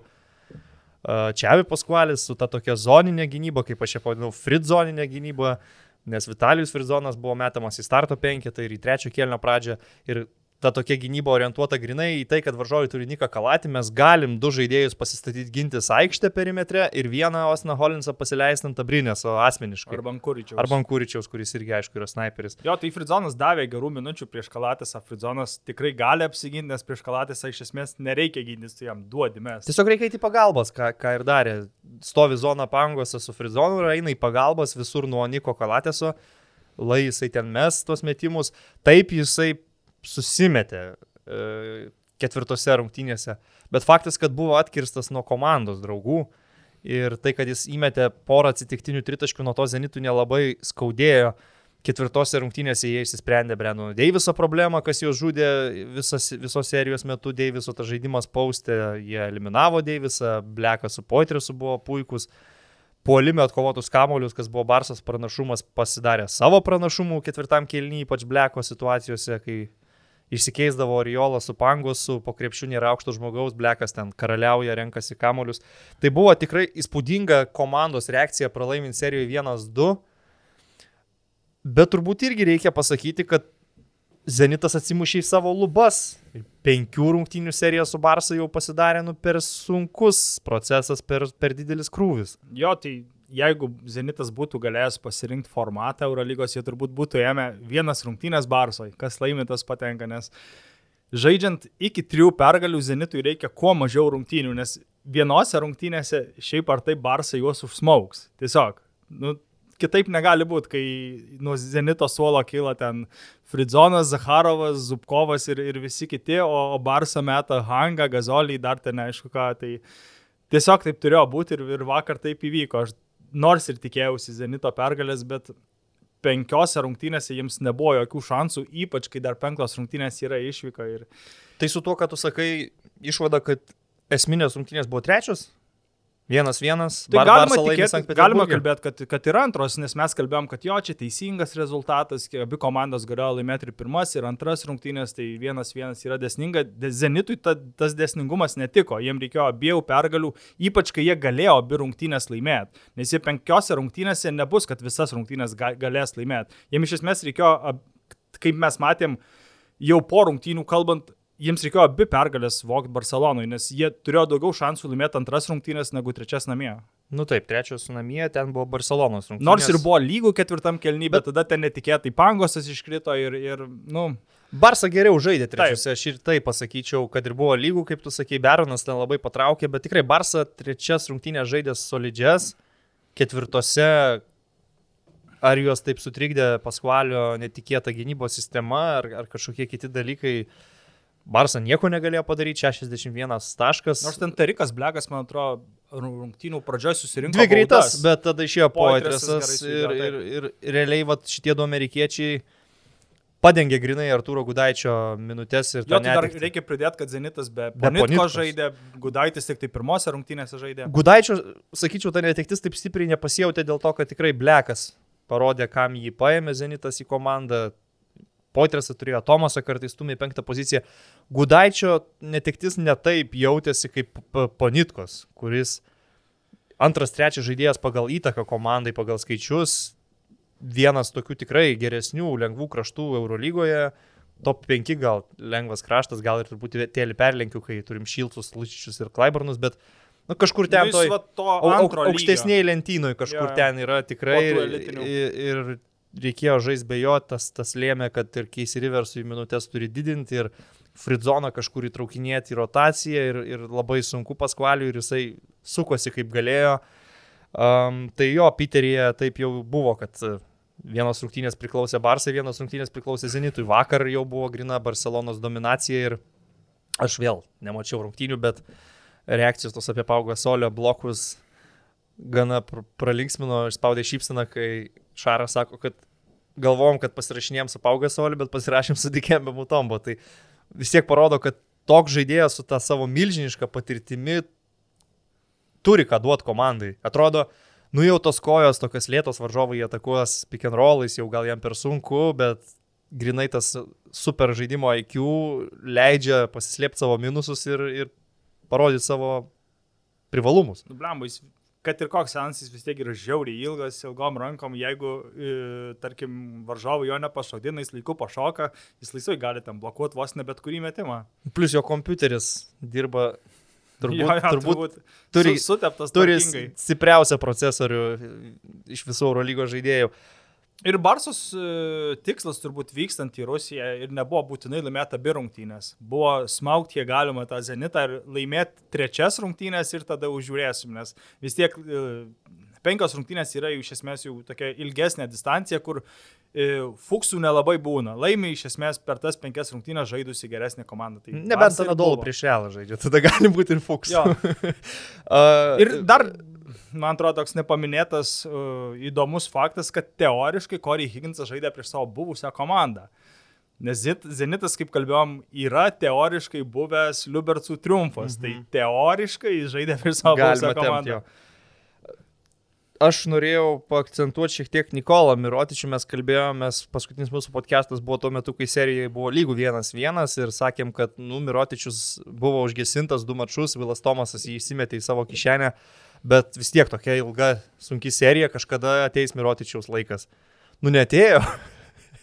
Mirotičiaus serija, tai norėtųs turbūt pamiršti visas penkias rungtynės galbūt geriausias šiuo metu Eurolygos žaidėjas, išgyveno žiaurę krizę, yra laiko iki finalo ketvirto, yra laiko atsigauti, atsistatyti, išeiti ir parodyti visai kitokį žaidimą, bet faktas, kad čia prieš Zenitą mane labiausiai stebinantis momentas ir buvo tai, kad prapuolė Nikola Mirotičius ir netgi vakar, kai Barsa visiškai triuškino Zenitą, Miro, kada ten pelnė savo pirmus taškus? 30. Pirmus, ne, pirmus taškus tai pelnė gal ten antram ar pirmam keliui, bet, bet, bet buvo su tais keliais taškais ten praktiškai iki jo, jo, su pabaigos. Dviem taškais per pirmas 38 minutės ir tik tada įsi- įsimetė tritaškį ir, ir dar iš pokrepšio. Jis per visą seriją išsimetė tik 11 tritaškių. Man čia atrodo, kad dabartiniam krepšinį jis tiek galėtų išsimesti vienose rungtynėse 11. Prieš kitą varžovą.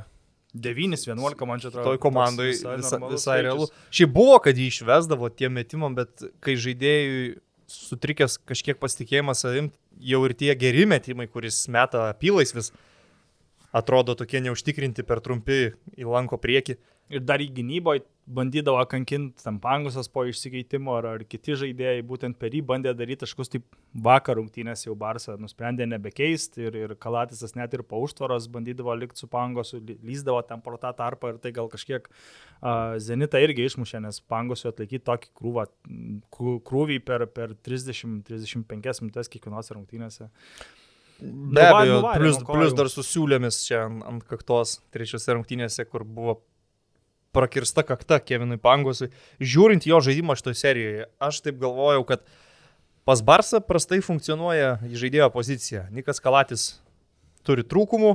Čia, Čiavi Paskvalis jį porą metų treniravęs, tos trūkumus žino geriau nei bet kas kitas ir tuo naudojasi ir pagal tai stato savo gynybą ir Nikas Kalatės stringa, ypač Barsoje žaidžiant tos pirmus du mačius. Uh, ten tada treneris bando Balmaro, kuris dar tikrai labai jaunas žaidėjas ir Eurolygos tokioje serijoje jam nėra lengva išeiti. Ir vakar gerą atkarpą sužaidė. Ir prieš tai buvo neblogų, bet nu, reikia suprasti, kad tai yra labai jaunas žaidėjas. Visos serijos tu negali užkrauti ant jo pečių. Tada bandai ir Hangai žaidėjų, ir Higginsą.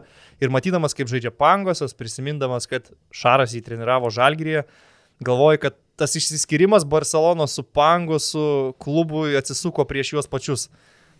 Pešičiui gal jis ir netiko, bet aš manau, kad šiuo metu Šarui idealiai tiktų pagyvinant polimą, o pats Pangosas Zenitė yra geriausias žaidėjas, gal net aš taip sakyčiau, nėra labiau nuo vieno žaidėjo priklausomos komandos šiuo metu Eurolygoje, nei Zenitas yra nuo Pangoso. Nes Bet... mes kalbame apie Ponitką, apie Gudaitį, iškristų Pangosas viskas.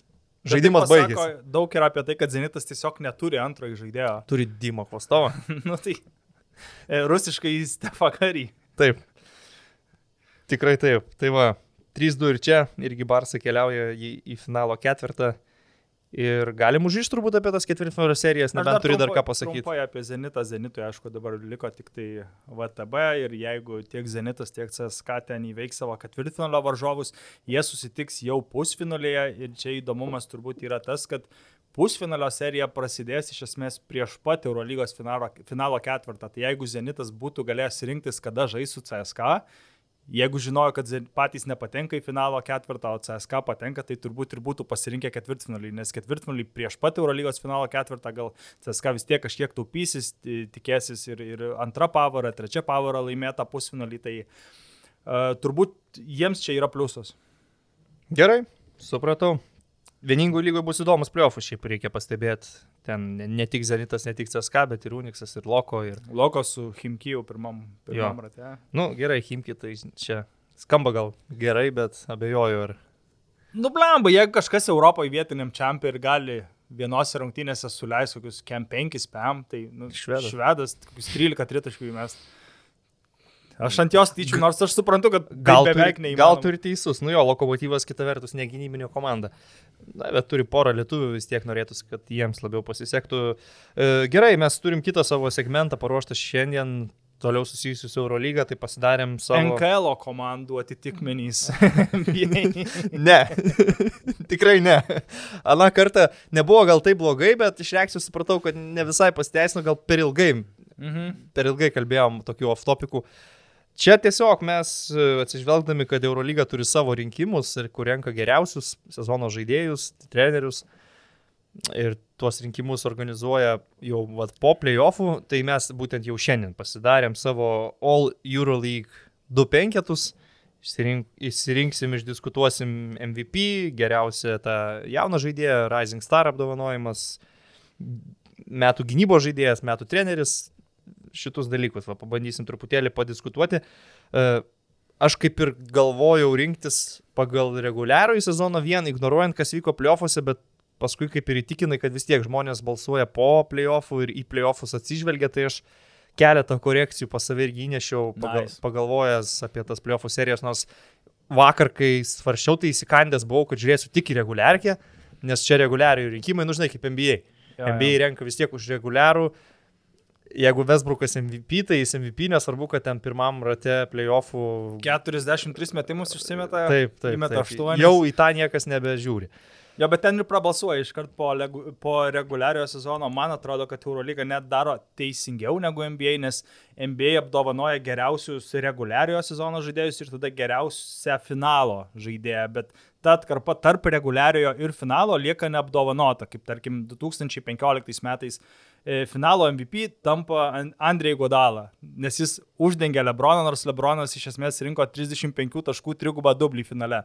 Bet be Stefo Curry jie nebūtų net patekę į tą finalą. Tai man atrodo, kad Eurolyga šiuo atveju apdovanoja MVP, ten geriausius, geriausius uh, žaidėjus pir, pirmai tai atkarpai iki finalo ketvirto, kas yra reguliarus sezonas ir pirmas playoffų raundas, ir tada apdovanoja geriausią finalo ketvirto žaidėją. Tai man atrodo, kad visi yra, e, vis, vis, visi formato, e, visos formato rungtynės yra padengiamos tais apdovanojimais ir man tai atrodo tiesiog teisingiau, nors NBA irgi galėtų įsivesti ne finalo MVP, bet playoffų MVP.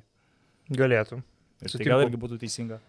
Bet ten tradicija, žinai, jie tų tradicijų nenori turbūt keistas finalų, MVP jam irgi ten svarbus ir kai viskas skaičiuoja, akcentuoja. Jo, tai pavadinimas galėtų išlikti tas pats, bet tiesiog vertint galėtų visus playoffus playoffus. ir vis tiek, tarkim, laimėjusios komandos gautų žaidėjas, bet, bet vertinimas Bet čia irgi tada, tos penkios, šešios irgi tada kartais atsimuštum gal į tokią neteisybę, kad pavyzdžiui, kuris nors geras labai žaidėjas dėl traumos nepadėjo komandai konferencijos pusfinalyje, bet paskui grįžo į vidurį konferencijos finalo ir su Jo, tai to- didžiajam tobulo- finale jau buvo ten. Tobulo formato ne, nesugalvosiu. Nu gerai, nesvarbu. judam. Eurolyga. Pradedam nuo tų individualių apdovanojimų, prie penk penketus pasiliksim. Kai pasakysi, Pabai, viršininkas. pabaigai MVP tiesiog tas jau labiausiai akcentuojamas prizas. Pas mane yra Vasilija Micičius. Jo, po, po praėjusios savaitės aš irgi einu su, su Vasilija Mičičiu, man atrodo, kad jis viso sezono metu buvo geriausias žaidėjas. E, Efesas visgi netiek ir daug atsiliko nuo, nuo Barcelonos reguliariam sezone, tai dabar jau kaip ir nematau tikslo apdovanot vien tik tai geriausios komandos geriausių žaidėjų, jau lab, kad Barsai iš esmės pasidalino pirmą vietą su CSK ir tik tai dėl tarpusavio tapo pirma komanda, man atrodo, kad Mičičius nors sezono pradžioje ir, ir nedraugavo net ir su savo paties metimu, ten buvo rungtynių ir iš 8-1 ir iš 5-0, bet jis buvo pagrindinė priežastis, kodėl antroje sezono pusėje Anadolu atsigavo, Anadolu, Anadolu grįžo į tą savo praėjusią sezono formą ir aš irgi jam duočiau naudingiausio žaidėjo apdovanojimą reguliariam ir, ir playoffuose. Pakankamai gera ir serija su realu, išskyrus pirmas rungtynės. Pirmose rungtynėse jisai strigo, bet kiti komandos draugai sutvarkė reikalus, o visus kitus mačus Micičius e, rinko gana stabilius skaičius. Vakar irgi pataikė tritaškius, jautėsi gerai aikštelėje. E, Pirma pusė, pirma sezono pusė tokia anomalija buvo visai komandai, ne tik jam vienam, bet savo lygį pradėjo rodyti antroje, žaidė tikrai įspūdingai ir aš manau, kad tai yra jo MVP metai galų gale. E, Jeigu galvojas būčiau apie Nikolą Mirotičių, tai playoffų serija su Zenitu padėtų apsispręsti jau tikrai į serbo pusę, nes Nikola prapuolė. Tai čia šitoje vietoje jo, sutarėm vieningai, Vasilija Micičius sezono MVP. Playoffai 17 taškų visos. Ar jam duos tą prizą ar ne, čia 16. dar kitas klausimas, matysim kaip subalsuos. Jo, balsavimas šiaip Eurolygas kalbė, kad vyksta iki penktadienio, bent jau fanų, kurių, kurių balsai sudaro 25 procentus, tada kiti 25 procentai pasidalina tarp žurnalistų, komandų trenerių ir komandų kapitonų. Ir papildoma sąlyga po žvaigždutės mano širdies MVP yra Maikas James. tai va. Tai buvo galima nuspėti jo. Gerai, toliau bandom tada geriausiai besiginantis sezono žaidėjas. Aš imu turbūt tokį aiškiausią variantą Walteris Tavarešas, aš suprantu jo akivaizdžius minusus, visos komandos žaidžia iš esmės tą, tą patį, pikiam popina ir meta, meta tritaškius, tą patį ir Ne žalį. visos turi žaidėją, kuris Taip, gali. taip, taip, bet tos, kurios turi, tarkim, ten Valencija su Dublevičium, jau gali būti ramus, kad išsimes ten 9 ar 11 tritaškių, nes, nes tiesiog toks planas prieš realą yra greičiausias raktas į pergalę. Žalgris irgi tą patį žaidė, dar kai Jankūnas buvo jaunesnis, sakykim taip, jis irgi gal ne iš tritaško, bet bent jau iš vidutinio nuotolio atakavo tavarešą ir aiškus minusai, bet visiškai aiškus ir pliusai.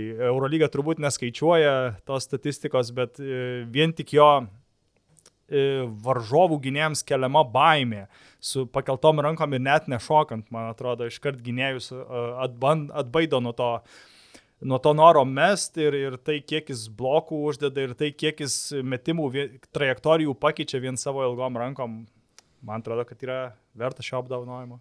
Daugiau nelabai ką ir galėčiau papildyti, pasakyti. Manau, kad viską teisingai ir susakėjai. Galvoju, būsiu originalus, kažką išsirinksiu kito. Kokį Bet-. Singletoną ar, ar Šilcą ar... kažką. Singletonas reguliariam sezonė nebuvo toks ryškus, jis dabar čia galvoj palikęs tą įspūdį po to, kas buvo vakar. Tada jau Dunstoną netgi labiau rinkčiausi, jeigu iš Anadolų. Bet e, Dunstonas Nu, man yra Misteris Dantys. Tu esi matęs jo dantis, Mhm. tokie įspūdingi, įspūdingi dantys. čia teisingai. Da, dantys to. Dunstonas. Uh, bet jo, man irgi teko apsistoti prie Tavarešo, nes šiaip nu, yra puikių žaidėjų. Yra Kailas Heinzas, gerą sezoną žaidžia ir jo gynybą mes visi žinom. Vakar paskutinėje atakoje pademonstravo savo gynybą. Tas universalumas, sugebėjimas ir arčiau prie krepšio gintis. Ir kitų pavyzdžių. Ir Brennas Deivisas turėjo solidų sezoną ne tik polime, bet ir į gynybą žiūrint. Ir galvojau, pabūsiu originalus, kažką tokio išspausiu, išlaušiu, bet ne, vis tiek irgi Walteris Tavarešas. Per daug didelė yra jo įtaka varžovų sprendimams, kad neatsižvelgtum į tai. Ir tiesiog, kaip tu sakėjai, yra tie minusai. Bet šiuo atveju, manau, pliusai visiškai juos nusveria. Ir, ir e- e- esmė kad, ta, kad kažką sugalvojasi. Esmė ta, kad tavarėšą realui apsimoka turėti aikštelėje, net jeigu kartais tenka ir pakentėti dėl vieno kito ten šanly, kokio ar Oriolos ar Dublevičiaus e, tolimo metimo. Nes su kitais tokiais milžinais būna, kad irgi ten įspūdingų domenų yra ten jūsų farimus, Tafa falas, tarkim. Bet dažnu atveju Duško Ivanovičiu, tarkim, neapsimoka to falo turėti aikštelėje, nes komanda daugiau dėl jo pra, pra, pralaiminiai gauna. Nu, su tavarišu tai beveik niekada nebūna, labai labai retai tai pasitaiko, tai tiesiog Ko, jo, kokia ištvermė, kokia, kokia stamina. jo šį sezoną nereikėtų nuvertinti, kad e, jisai tapo galiausiai pagrindiniu realo žaidėjų net ir puolime, pagal taškus, puolime atkovoti kamuoliai. Taip susiklostė situacija, kad realui daugiau teko žaisti per jį, nes mažiau liko talento perimetro linijoje. E, Čia į geriausiai besiginančio žaidėjo apdovanojimą tas gal ir neįeina, bet įeina į tai, kad jo minutės dar labiau padidėjo. Ir man didžiausias įspūdis yra palikęs po, tų, po tos dvigubos savaitės Graikijoje, kai Realas žaidė su Power Rolly ir per, Per Per- kem 8 per kem 8 valandas sužaidė 3 pratesimus. Jo, Ir. Tavarešas po dviejų rungtynių turėjo berots 41 minutės vidurkį. Kažkas tai tokio, tai, nu, wow, yra iš tikrųjų nerealu. Jis yra, kažin, žaidęs už Tris savo... širdis ir aštuonis plaučius turi. Jo, jis yra žaidęs, kažin, už savo rinktinę. Žaliąjį kyšulį? Žaliąjį kyšulį. Nes, nes, Matau, kad buvo naujienų, kad jis ruošiasi žaisti, bet, blemą, sorry, ne, nepasidomėjau. Nesu tikras, aš irgi į šitą netkreipęs dėmesio. ACB champ Tavares looking forward to suiting up for Cape Verde again. Tai, tai again, tai reiškia yra žaidėjas. Yra žaidęs. Gerai, vėlgi šitoje vietoje taip pat nebuvo jokių nesutarimų, nelabai ir vietos diskusijai, nes pasirinkom tą patį žaidėją. Kylančios žvaigždės apdovanojimas, čia bijau, kad irgi turbūt galim sutapti, nes aš tai pasirinkau Roką Jokubaitį. Aš bijau, kad aš irgi norėčiau, kad Rokas gautų, man atrodo, tas apdovanojimas atkreiptų dar daugiau skautų dėmesį į jį, nes e, tap, antros pasaulio lygos geriausių jaunojų žaidėjų vis tiek yra didelis e, pasiekimas, bet Rokas yra pusantrų metų vyresnis už Usmaną Garubą ir man atrodo, tai kiek daug žiniasklaidos dėmesio ir šiaip kiek dėmesio į save susitraukė Garubą e, vien per šiuos playoffus, žaisdamas labai gerai e, trečias ir ketvirtas rungtynės. Bijau, kad gali iš, iš ponosės Jokubaičiui nugvelbtą apdovanojimą, nors sezono metu atrodė, kad Jokubaitis jau turi jį apsikabinęs, kaip, panašiai kaip Lamelo bolas iki traumos metų naujoko apdovanojimo NBA, nes tie Usmano Garubos keturi taškai, e, tritaškai 27 procentų pataikymų ir, ir keturi atkovoti kamuoliai kažkaip per 16 minučių netrodo labai įspūdingai, bet Nu bet gerai, čia tu sakai, kaip gal, gali būti ir Aš kad ma- bus, aš- bet pats ką, už ką balsuotum. Aš balsuočiau už Jokubaitį, bet manau, kad laimės Garubą. Mm, okay. Aš irgi už Roką Jokubaitį, nes tai buvo pirmas jo tikras Eurolygos sezonas, kuris tapo tikru Eurolygos komandos įžaidėjų, kuris žaidžia minutės, kartais ir lemiamas minutės. Tai pamatė jau pirmam turė prieš prie Olimpijakose, kai jis buvo aikštelį lemiamų metų, sumetė lemiamas baudas ir tai tęsiasi viso sezono metu. Martinas Šileris juo labai stipriai pasitikėdavo. Faktas, kad pasimatydavo tie, kaip sakant, augimo skausmai, kur jaunam žaidėjui yra neišvengiamų dalykų, kažkur klaidos gynyboje, blogos pražangos, pražangos prieš metikus prie tritaškio linijos. Ir, ir, ir ten kažkur pasiklysta gynybinėse rotacijose, bet realiai visą savo talentą parodė polime, koks jisai yra žaidėjas ir dar su tokiu intrigos prieskoniu, koks jis dar gali būti, nes tikrai dar yra ką tobulinti, kur gali pridėti ir uh, Čia dabar buvo kaip tik Jaspienos skautas į Lietuvą atvykęs, stebėjo jo LKL mačus ir darė tam tokią jo analizę, buvo tų palyginimų ir pats Jokubaitis sakė, kad į Dragičių lygiuojasi, žiūri jį, jam yra įdomus žaidėjas, europietis NBA lygoje. Šiaip nors Dragičius ir nieko jis nėra laimėjęs, išskyrus, aišku, surinkti ne auksą, bet, bet su klubu jis nieko nėra laimėjęs, bet turėjo labai gerą karjerą ir... ir... Turi vis dar šį Nu, vis dar turi taip, bet ta karjera vis tiek yra labiau nueinanti, bet vis tiek turi svarbę rolę Miami, tai jeigu Jokubaitis kažką bent panašaus pasieks per karjerą, kiek pasiekė Dragičius, turės savo rolę rimtoj NBA komandai būtų. Bet jo, tikrai gerai. šitą sezoną žiūrint, aš šiaip tikiuosi, norėčiau, kad Rokas Jokubaitis liktų žalgyrė dar vienam sezonui, bet šį sezoną žiūrint jo skaičiai atrodo kaip jaunam žaidėjui tikrai gerai.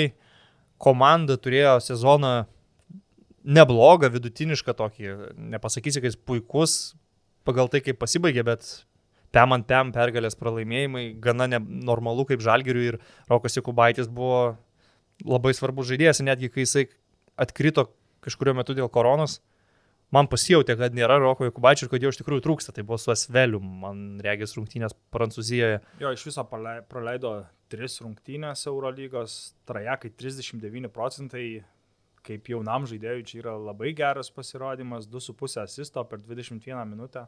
Kiek taškų? Lygiai septyni. Lygiai septyni. Nu, labai tvarkingi skaičiai. Jis žaidžia penkiom minutėm daugiau negu, negu Garuba, bet tiesiog galvoju, kad balsuos treneriai, balsuos komandų kapitonai, balsuos užsienio žurnalistai. Pavyzdžiui, aš nežinau, kiek tie komandų kapitonai, random komandų Osvelio, Valencijos ir dar kitų domisi tuo krepšiniu ir kiek jie žino. Va, Kas Kimki kapitonas? Švedas? O, ne gal.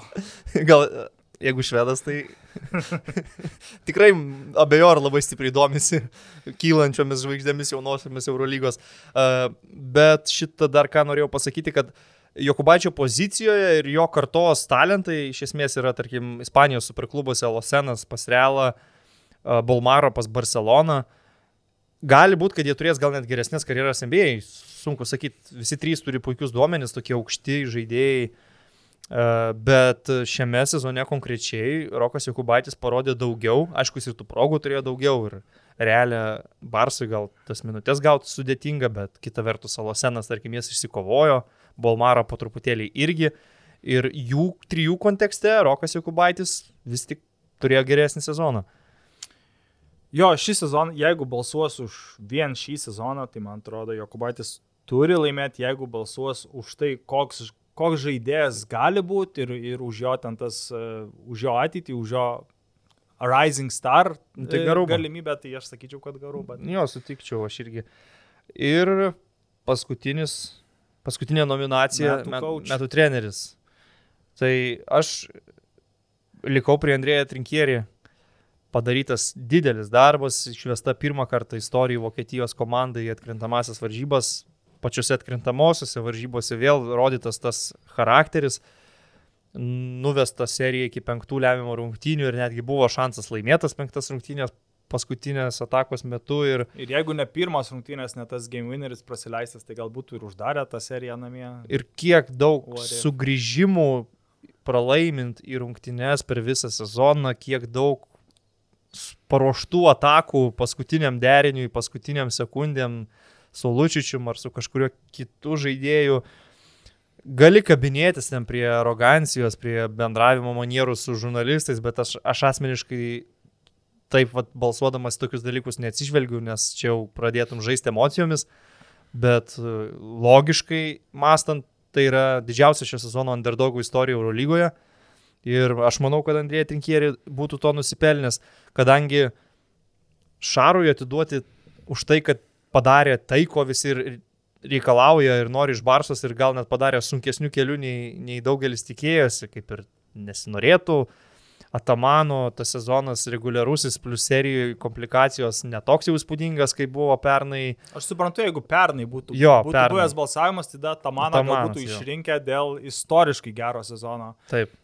Dabar aš netgi taip sakyčiau, įtūdis, tarkim, iš, išlaviravęs su CSK būtų labiau vertas iš tų jau elitinių komandų. Pablo Laso tiek spausdamas iš realo gal irgi būtų labiau vertas. Bet galiausiai apsistoju tiesiog su, su Andrėja Trinkierė. Aš irgi mu trinkėriu, man atrodo, akivaizdus favoritas, nors Čiavi Paskalis, man atrodo, per playoffus sumažino tą atsilikimą ir galbūt e, bus įtemptesnė kova dėl to metų apdovanojimo negu, negu dabar atrodo, bet aš irgi renkuosi trinkėrį ir man įdomu bus pamatyti, jeigu paskelbus balsavimo rezultatus, kas liks trečias. Nes man atrodo, čia pir pirmas trinkėris, antras Čiavi Paskalis ir tada kam atiteks trečia vieta. Tai visose keturiose nominacijose neišsiskyrė mūsų pozicijos, išsirinkom tos pačius žaidėjus. Dabar... Bet, ir, bet ir nominacijos pakankamai aiškios ir čia Jo. vietos e, diskusijai net ne visada ir yra. Nu, įmanoma kažką sugalvoti ir argumentų turėti, bet realistiškai kai kurie dalykai ir tikrai gana pakankamai akivaizdus. Manau, kad vis tiek kažkokių skirtumų turėtų būti All Euro League penketuose, tai pi- pirmas ir antras penketai. Pradėm gal nuo antro. Ai, nuo antro. Okay. Nu, pradedam nuo antro, kad, kad, kad, intriga, kad ne? tos geriausius jau pasiliekam pabaigai. Antras All Euro League penketas pas mane yra toks. Į žaidėjo pozicijoje Kevinas, Kevinas Pangosas, atakuojantis gynėjas Corey Higginsas, lengvas kraštas Šeivonas Šilcas, sunkus kraštas Janas Veseli, centras Brandonas Deivisas.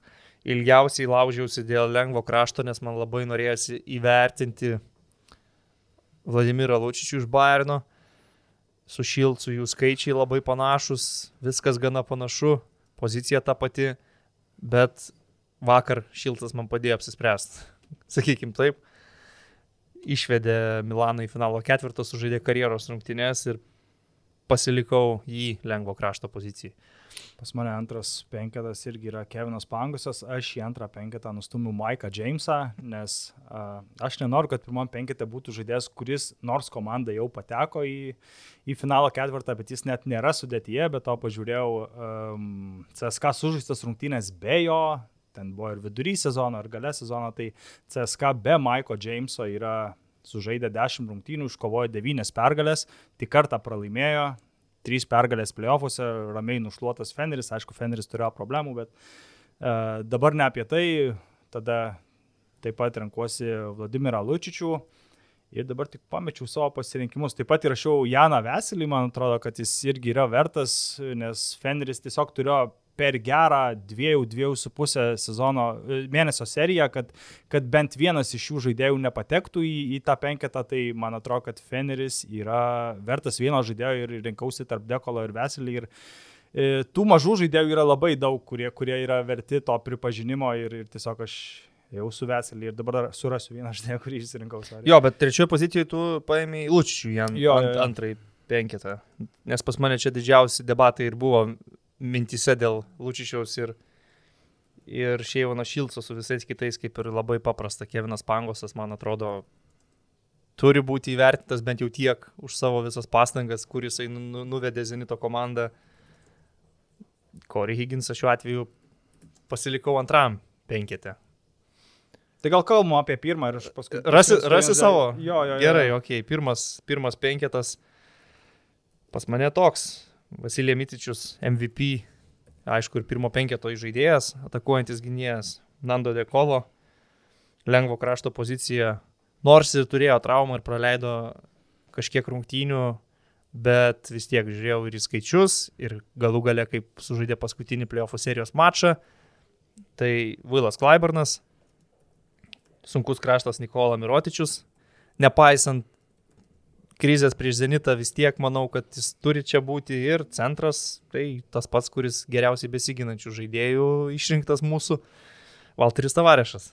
Jo, tai aš rinkausi tarp trijų žaidėjų į dvi antros, ant, uh, į dvi pirm, pirmo penketo uh, vietas.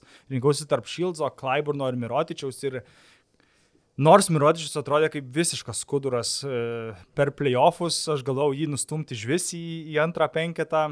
Taip pat mačiau, pavyzdžiui, antram penketė iš vis net neturėt Maiko Jameso, bet... Pas mane nei vienam penketė nėra Maiko Jameso. Ai, nu, aš jo kažkiek nustebinai. Nu, aš tiesiog pagalvojau, kad per daug įtakos turi ta situacija, kai jisai vieną kartą jau buvo suspenduotas, grįžo, paskui visiškai buvo Nu, pašalintas. aš galvoju, tikrai bus įkišęs kažkur. Ne, nu, aš nusprendžiau, kad tai truputėlį neteisinga, juolab, kai apsigalvojau, kad įtrauksiu į savo balsavimą ir playoffų pasirodymus, tai tada supratau, kad nei pirmoji pozicijoje vietoj Misičiaus arba Pangoso negaliu aš jo statyti, nei antroji vietoj Dekolo arba Higginso, kurie turėjo gerą sezoną, tai taip jau išėjo. Jo, tai pas mane antram penketė tą paskutinę vietą užima Šeivonas Šilcas, kaip ir pas tave. Aš tiesiog rinkausi Taip, pagal... ne, tu centro nepasakėjai savo antram penkite. Tai pas mane centras yra Janas Veselį. O sunkus kraštas? E, sunkus. Tai trečią, ketvirtą pozicijas dalinasi Šiltas ir Lodžičius. Aš Ai, nebūtinai taip. dalinausi e, Okay, du, du pozicijas. kraštai, žodžiu. Jo, jo, Gerai, jo. supratau. Man Ačiū. atrodo, kad šiuo atveju tos dešimt svarbiausių žaidėjų reikia rinkti pagal tai, kaip NBA, tarkim, renka žaidėjus, kurie patenka į šlovės muziejų. Pagal tai, ar įmanoma tą NBA erą papasakot kažkam nemačiusiam to, to, tos eros be tų minimų žaidėjų. Tai man atrodo, kad be Maiko Jameso, nors ir ne visada tai būdavo susijęs su tuo, ką jis veikia aikštėje, būdavo skandalų ir už aikštės, bet man atrodo, kad apie šį sezoną tu žmogui, kuris visiškai nežiūrėjo krepšinio, negali Nu, papasakoti ap- be Maiko Bent jau apie CSK sezoną, tai turbūt, nu jo, galėčiau sutikti tuo. Aš taip griežčiau gal pagal pozicijas rinkausi. Eurolyga išvis- libe, liberaliai, Kiek mačiau, sakant, nes- fanams leidžia balsuoti uh, iš vis be pozicijų. Tiesiog mm. penki žaidėjus išsirinkti ir ant vieno paspauti kaip MVP. Tai mano pirmas penketas yra Mičičius, Higginsas, Higginsas pas tave antram penketą, Mhm. ne? Tada Klaiburnas, uh, Klaiburnas man atrodė visą laiką yra svarbiausias CSK žaidėjas visą sezoną, nors ir praleido uh, aštuonias rungtynės, bet skirtingai negu, tarkim, be Jameso CSK iš dešimt rungtynių laimėjo devynes, tai šiuo atveju be Klaiburno per aštuonias rungtynės Eurolygoje CSK laimėjo tik tris kartus. Man atrodo, kad Klaiburno svarba CSK yra visiškai akivaizdi. Tai Be yra jo, geriausias lengvas kraštas Eurolygoje. be tiesiog. jo CSK nebūtų patekę tikrai į, į, į playoffus, jeigu būtų išėję, tarkim, prieš kažkokią rimtesnę komandą. ir Į man- finalą ketvirtą turiu menį. Taip, taip, taip. Paskui playoffus. Ai, nu, nu, playoffus jau, jau būtų.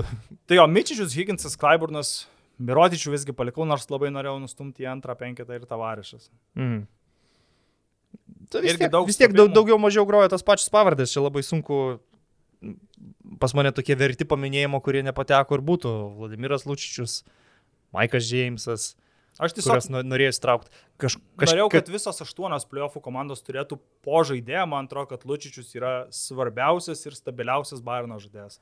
Tai to taip, aš sutinku visiškai. A-. Aš svarščiau netgi kaž, kažkiek tai konkurenciją atakuojančio gynėjo ir Keviną jo. rezultatyviausią Milano žaidėją ir kai kuriuos kitus krepšininkus, bet e, tiesiog dėlioji argumentus ir vieną eliminuoji, išbrauki kitą, nes aš labai taip patogiai prieš miegą lovų šitam reikalui pasiskyriau tokią valandėlę. Pasidėliojau, pasigalvojau ir, ir paskutinės akimirkos pakeitimus atlikęs dar čia prieš jau pradedant kalbėti. Taip pat susirašiau. Tai jo, Antram penketą Gana panašu viskas. Galvojau arba Jamesą palikti ir tada vietoj Pangoso įdėti Panterį, bet Panteris nebuvo gal toks pastimus playoffuose, jis turėjo tą savo atkarpą antroji reguliariojo sezono pusėje, bet jeigu ne Pangosas, Barso serija būtų pasibaigus gal net ir 3-0 turbūt. Tai Ir, ir turbūt. Zen, nors Zenitas, pavyzdžiui, nebuvo tokia gera reguliariojo sezono komanda kaip Milanas, Zenitas vos pateko į playoffus ten pas, paskutinę akimirką, tai irgi dėliausi, bet man atrodo, kad e, šiuo atveju, kaip anksčiau LKL, tarkim, į savo All-Starus visada pakviesdavo po, vienos komand, po kiekvienos komandos bent po vieną žaidėją, kad būtų tų atstovų, bet tai Kevinas Man- Pangosas kažkaip buvo LKL simboliniam penketę. su šešių taškų viduriu. LKL turėdamas ten jo 6-7 taškų. Čia vertinam tik LKL, vidurkį. visiškai Eurolygos ne, Ne, bet- nekišam. tai bet man atrodo, kad čia per daug net ir nepritempiu nei, nei, nei vienos pavardės su visais. Visi yra verti, o, o vertų Eurolygoje iš vis yra kokie gal net 14-17 žaidėjų, kurie gali būti pokalbėje į tą Šiaip, Eurolygos penketą. Kas mane džiugina, kad su kiekvien, Penketus. kiekvienais metais Eurolygoje vis daugiau atsiranda tokių žvaigždžių, kurias tu jau gali promint, per kurias tu gali uh, reklamuoti savo produktą, asmenybių, charakterių, talento atžvilgių, irgi puikių žaidėjų ir jų pastoviai vis daugėja. Mirotičiaus tas sugrįžimas į Europą buvo tikra bomba, bet matom, kiek atsiskleidžiančių daug ir amerikiečių, ir, ir europiečių krepšininkų. Aišku, vis dar yra ta sėkmybė NBA, vis dar išvažinėja Kampatso, Dekas, išvažiuos turbūt Micičius, bent jau pasibandymams į NBA visi šitie žaidėjai, bet džiugina, kad tikrai Eurolyga tokie vat su asmenybėm ir, ir aš sakyčiau, jeigu truputėlį dar labiau dirbtų marketingas, daugiau galėtų spausti, reklamuojant save būtent per, per tuos žaidėjus, kuriuos, kuriuos šiuo metu turime Eurolygui. Bet, nu, vėlgi, tai kam dirbti? Eurolyga net fanshopo normalaus neturi Europoje. Reikia siūstis iš kažkokio Amazon, kur net į Lietuvą daugumos Nesiunčia. prekių net nesiunčia. Aš siunčiausi per tą, kur aš to nu, numečiau. Jo, jo, jo, kur ten reikia papildomo tarpininko, kad gautum marškinėlius. Užsisakinėjau lapkričio mėnesį, gavau sausio pabaigoje. Tai tas siuntimas gali užtrukti, bet, nu, man atrodo, kad, nu, nėra sunku vis tiek tos 18 Eurolygos komandų turi savo fanshopus vietinius. Tai tiesiog į tuos fanshopus įdėk kažkokią atskirą lentyną ar net ir fizinėse parduotuvėse, padaryk kažkokį atskirą kampelį, kur ten tipo nueini į Kauno Žalgerio fanshopą ir gali ten, tarkim, šonę rasti, nežinau, Pantinaikos, Olimpijakos ar ten tipo Barcelonos maikutės. Tai nėra sunku padaryti, bet, nu, vėlgi, tai kam tai daryti, jeigu... Jeigu gali nedaryti. Jo, jo, jeigu, jeigu yra po ant, ant fanų. Ok, gerai, tai tiek turbūt apie Eurolygą. Išdiskutavom, iškalbėjom viską apie playoffus, apie geriausius sezono žaidėjus. Aš taip užbaigiant podcastą dar norėjau labai pasidžiaugti. Gerėjančių pra... orų? Ne, ne, ne, ne, ne, ne, ne, ne, gerėjančių orų. Aš jau dėl šito lauksim, jeigu laikysis dvi savaitės geras oras, tada galėsim leisti savo kažką pasakyti. Aš norėjau pasidžiaugti praėjusio sekmadienio NBA rungtynėmis, kurios man mhm. suteikė labai daug džiaugsmo tikrai. Tai buvo baksai prieš netus. Pagaliau buvo galimybė 22.30, kai yra tas sekmadienio laikas, pamatyti geras komandas su gerais žaidėjais. Anksčiau... Net ir be Hardino. Net ir be Hardino, šiuo atveju netiek ne svarbu. Nes anksčiau pastoviai šitas televizinis laikas Lietuvoje, patogus, rungtynės, Los Andželo derbis nėra žaidėjų, ten kokie siksteriai žaidžia, nėra ambido su Simonsu ir, ir pastoviai tos va tokios transliacijos ir kenti, gailiesi, liūdi, čia super rungtynės su super žaidėjais, su super epizodais, su Kevino Duranto paskutiniu metimu bandant išplėšti pratesimą Janio Antetokumpo rezultatyviausio sezono rungtynės, kur jis ir tritaškiai stebino ir Steve'as Nešas statė prieš jį gynyboje Deandre Jordaną, Janis Deandre nusistumdavo kaip, nežinau, kaip kokį kampaco galėtų nusistumti, kažkas nerealaus, kokią jėgą turi šitas žmogus. Tai tikrai, va, PJ Tuckerio ta gynyba prieš Keviną Durantą, kur jau tokios truputėlį playoffų kovos pasijautė elitinės komandos su elitiniais žaidėjais ir va tada tu jau žiūri ir supranti, kad čia yra tas NBA produktas, nesvarbu, kad čia reguliarkė, kad tos rungtynės dideliam paveikslė nieko nekeičia, bet kai visi geriausi žaidėjai yra, kai televizijos kameros į juos nukreiptos, tai, nu, tikrai yra wow. Dendrė ir subauduodavo jau Janį ten kartais į, į playoff maudą įjungęs tą pražangų savo uh, uh, darimą ir jo jautėsi tą playoff atmosferą, nors tos rungtynės ten per daug nieko nereiškia, bet uh, buvo jo smagu pažiūrėti, aš irgi Taip, džiaugiausi. Toks lengvas kaip teaseris, ko galėtume tikėtis, jeigu būtų savaičių. Playoffų serija, tarkim, Baksų su Necais. Kad... Ar tas play-in turnyras net ir už dviejų savaičių. Play-in turnyras maždaug, jau pakankamai greitai. Vyks. Jau kitą sekmadienį, man atrodo, yra suplanuotos tos paskutinės reguliarios sezono rungtynės, bet vėlgi jos yra su žvaigždute, nes yra atkeltų mačų ir tikrai bus komandų, kuriuom tos paskutinės rungtynės nieko nelems ir aš nenustepčiau, jeigu NBA jos ir atšauktų, nes vis tiek tas sezonas yra sukištas ir žaisti beprasmės 72 sezono rungtynės, kurios nieko nelėmė, e, ne visada bus pointas. Mhm. O dar kalbant apie NBA, tai uh, džiaugiuosi, kad dėl... Pen... Iš esmės yra vakaruose aiškios pirmos dvi komandos, kurios tikrai bus pirma ir antra, bet neaišku kokia tvarka, tai yra Phoenixas Juta, tada trečia, ketvirta bus Denveris arba Clipperiai, neaišku irgi kokia tvarka ir penkta, šešta, septinta bus iš esmės uh, Portlandas, Lakeriai ir Dallasas. Ir labai tikėtina, kad Lakeriai su Clipperiais išeis jau pirmam rate, labai tikėtina, kad Dallasas su Denveriu išeis pirmam rate ir tikėtina, kad Phoenixas, Dallasas arba Denveris, viena iš šitų trijų komandų pateks į uh, konferencijos finalą. Nu, Lebronas Džeimsas dabar, kai jau pradėjo grėsti Lakers play-in turnyras. Pasakė, kad reikėtų atleisti žmogų, kuris šitą turnyrą sugalvojo, šitą formatą. Pernai nebuvo problemų, bet... Matai, nebuvo aktualus tas formatas, Taip, taip, taip. kažkas žais, kažkokie ten atbrosai žais savo play-in turnyrus, mums tas ne, neįdomu, nejaudina, bet šį sezoną, kai atėjo traumos Lebronui, Deivisui, Dabar dar Šrioderis iškrito Atsi- dviem savaitėms. atsiranda rizika, kad gali tekti paplušėti, papildomai paprakaituoti, kas tikrai nėra malonu. Bet lygiai taip pat ir rytų konferencijoje kažkuri iš tikrai gerų komandų pernai konferencijos finale juk žaidė e, Miami's prieš, pala, prieš, prieš Bostoną jo. Arba Miami's, arba Bostonas labai realu, kad bus tame irgi play-in turnyre kaip septinta vieta rytų konferencijoje. Gali to ir išvengti dar visai tikėtina, bet pagal šios dienos situaciją tai gali tai būti. Ir viena iš tų trijų geriausių rytų komandų kelias į konferencijos finalą bus arba gali būti per pirmam raunde per Miami arba Bostoną, kas jau bus nelengva serija, tada antram raunde prieš, tarkim, Brooklyną be aikštės pranašumo ir trečiam dar prieš Filadelfiją, arba ten, tarkim, prieš Milwaukee, arba prieš Brooklyną. Sunkus kelias laukia net ir, net ir pirmam raunde, nors tos komandos reguliariam sezonė yra atsilikę po 6-8 pergalės, bet e, kai išeitų prieš, tarkim, prieš Bostoną, 1-1 trečias rungtynės Bostone, e, statyt, kad eitumas neįmė 60 ar ten 50 taškų, ir kad tu tikrai laimėsi. Tikrai taip. Nestatyčiau. Tikrai taip, jo, įspūdingos komandos, sustiprėję rytai, kaip sakoma apie sustiprėjusią LKL, tai NBA yra sustiprėję rytai, konkurencijos atžvilgių, kai Lebronas paliko šitą konferenciją, tai tapo labai atvira konferencija, kur kūrėsi vat, ir super komandos, kur yra du kart lygos MVP, kur yra Sixeriai pagaliau bandantis pramušti, kur yra Miami su Bostonu, su savo treneriais, talentu, jaunai žaidėjais. Tikrai fantastiška dabar yra rytų konferencija, o dėl vakarų tai iš tikrųjų Utah Phoenixas kažkuria iš tų komandų matyti kovončia dėl patekimo į finalą būtų netgi ir labai smagu, kad ne vien tos Los Angeles žvaigždės blizga, bet ir komandos tokios va, su sistema, su savo veteranais, Sansu atveju kaip ir e, džiazu su jaunu lyderiu, tai Mitchellas, Bucheris.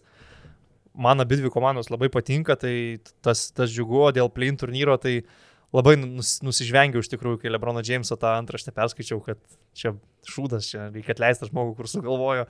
Jeigu negrėstų patiems žaisti, net nebūtų jokio komentaro to klausimu, nieks aišku ir neklaustų apie tai, bet jo, dabar mat, tai yra problema.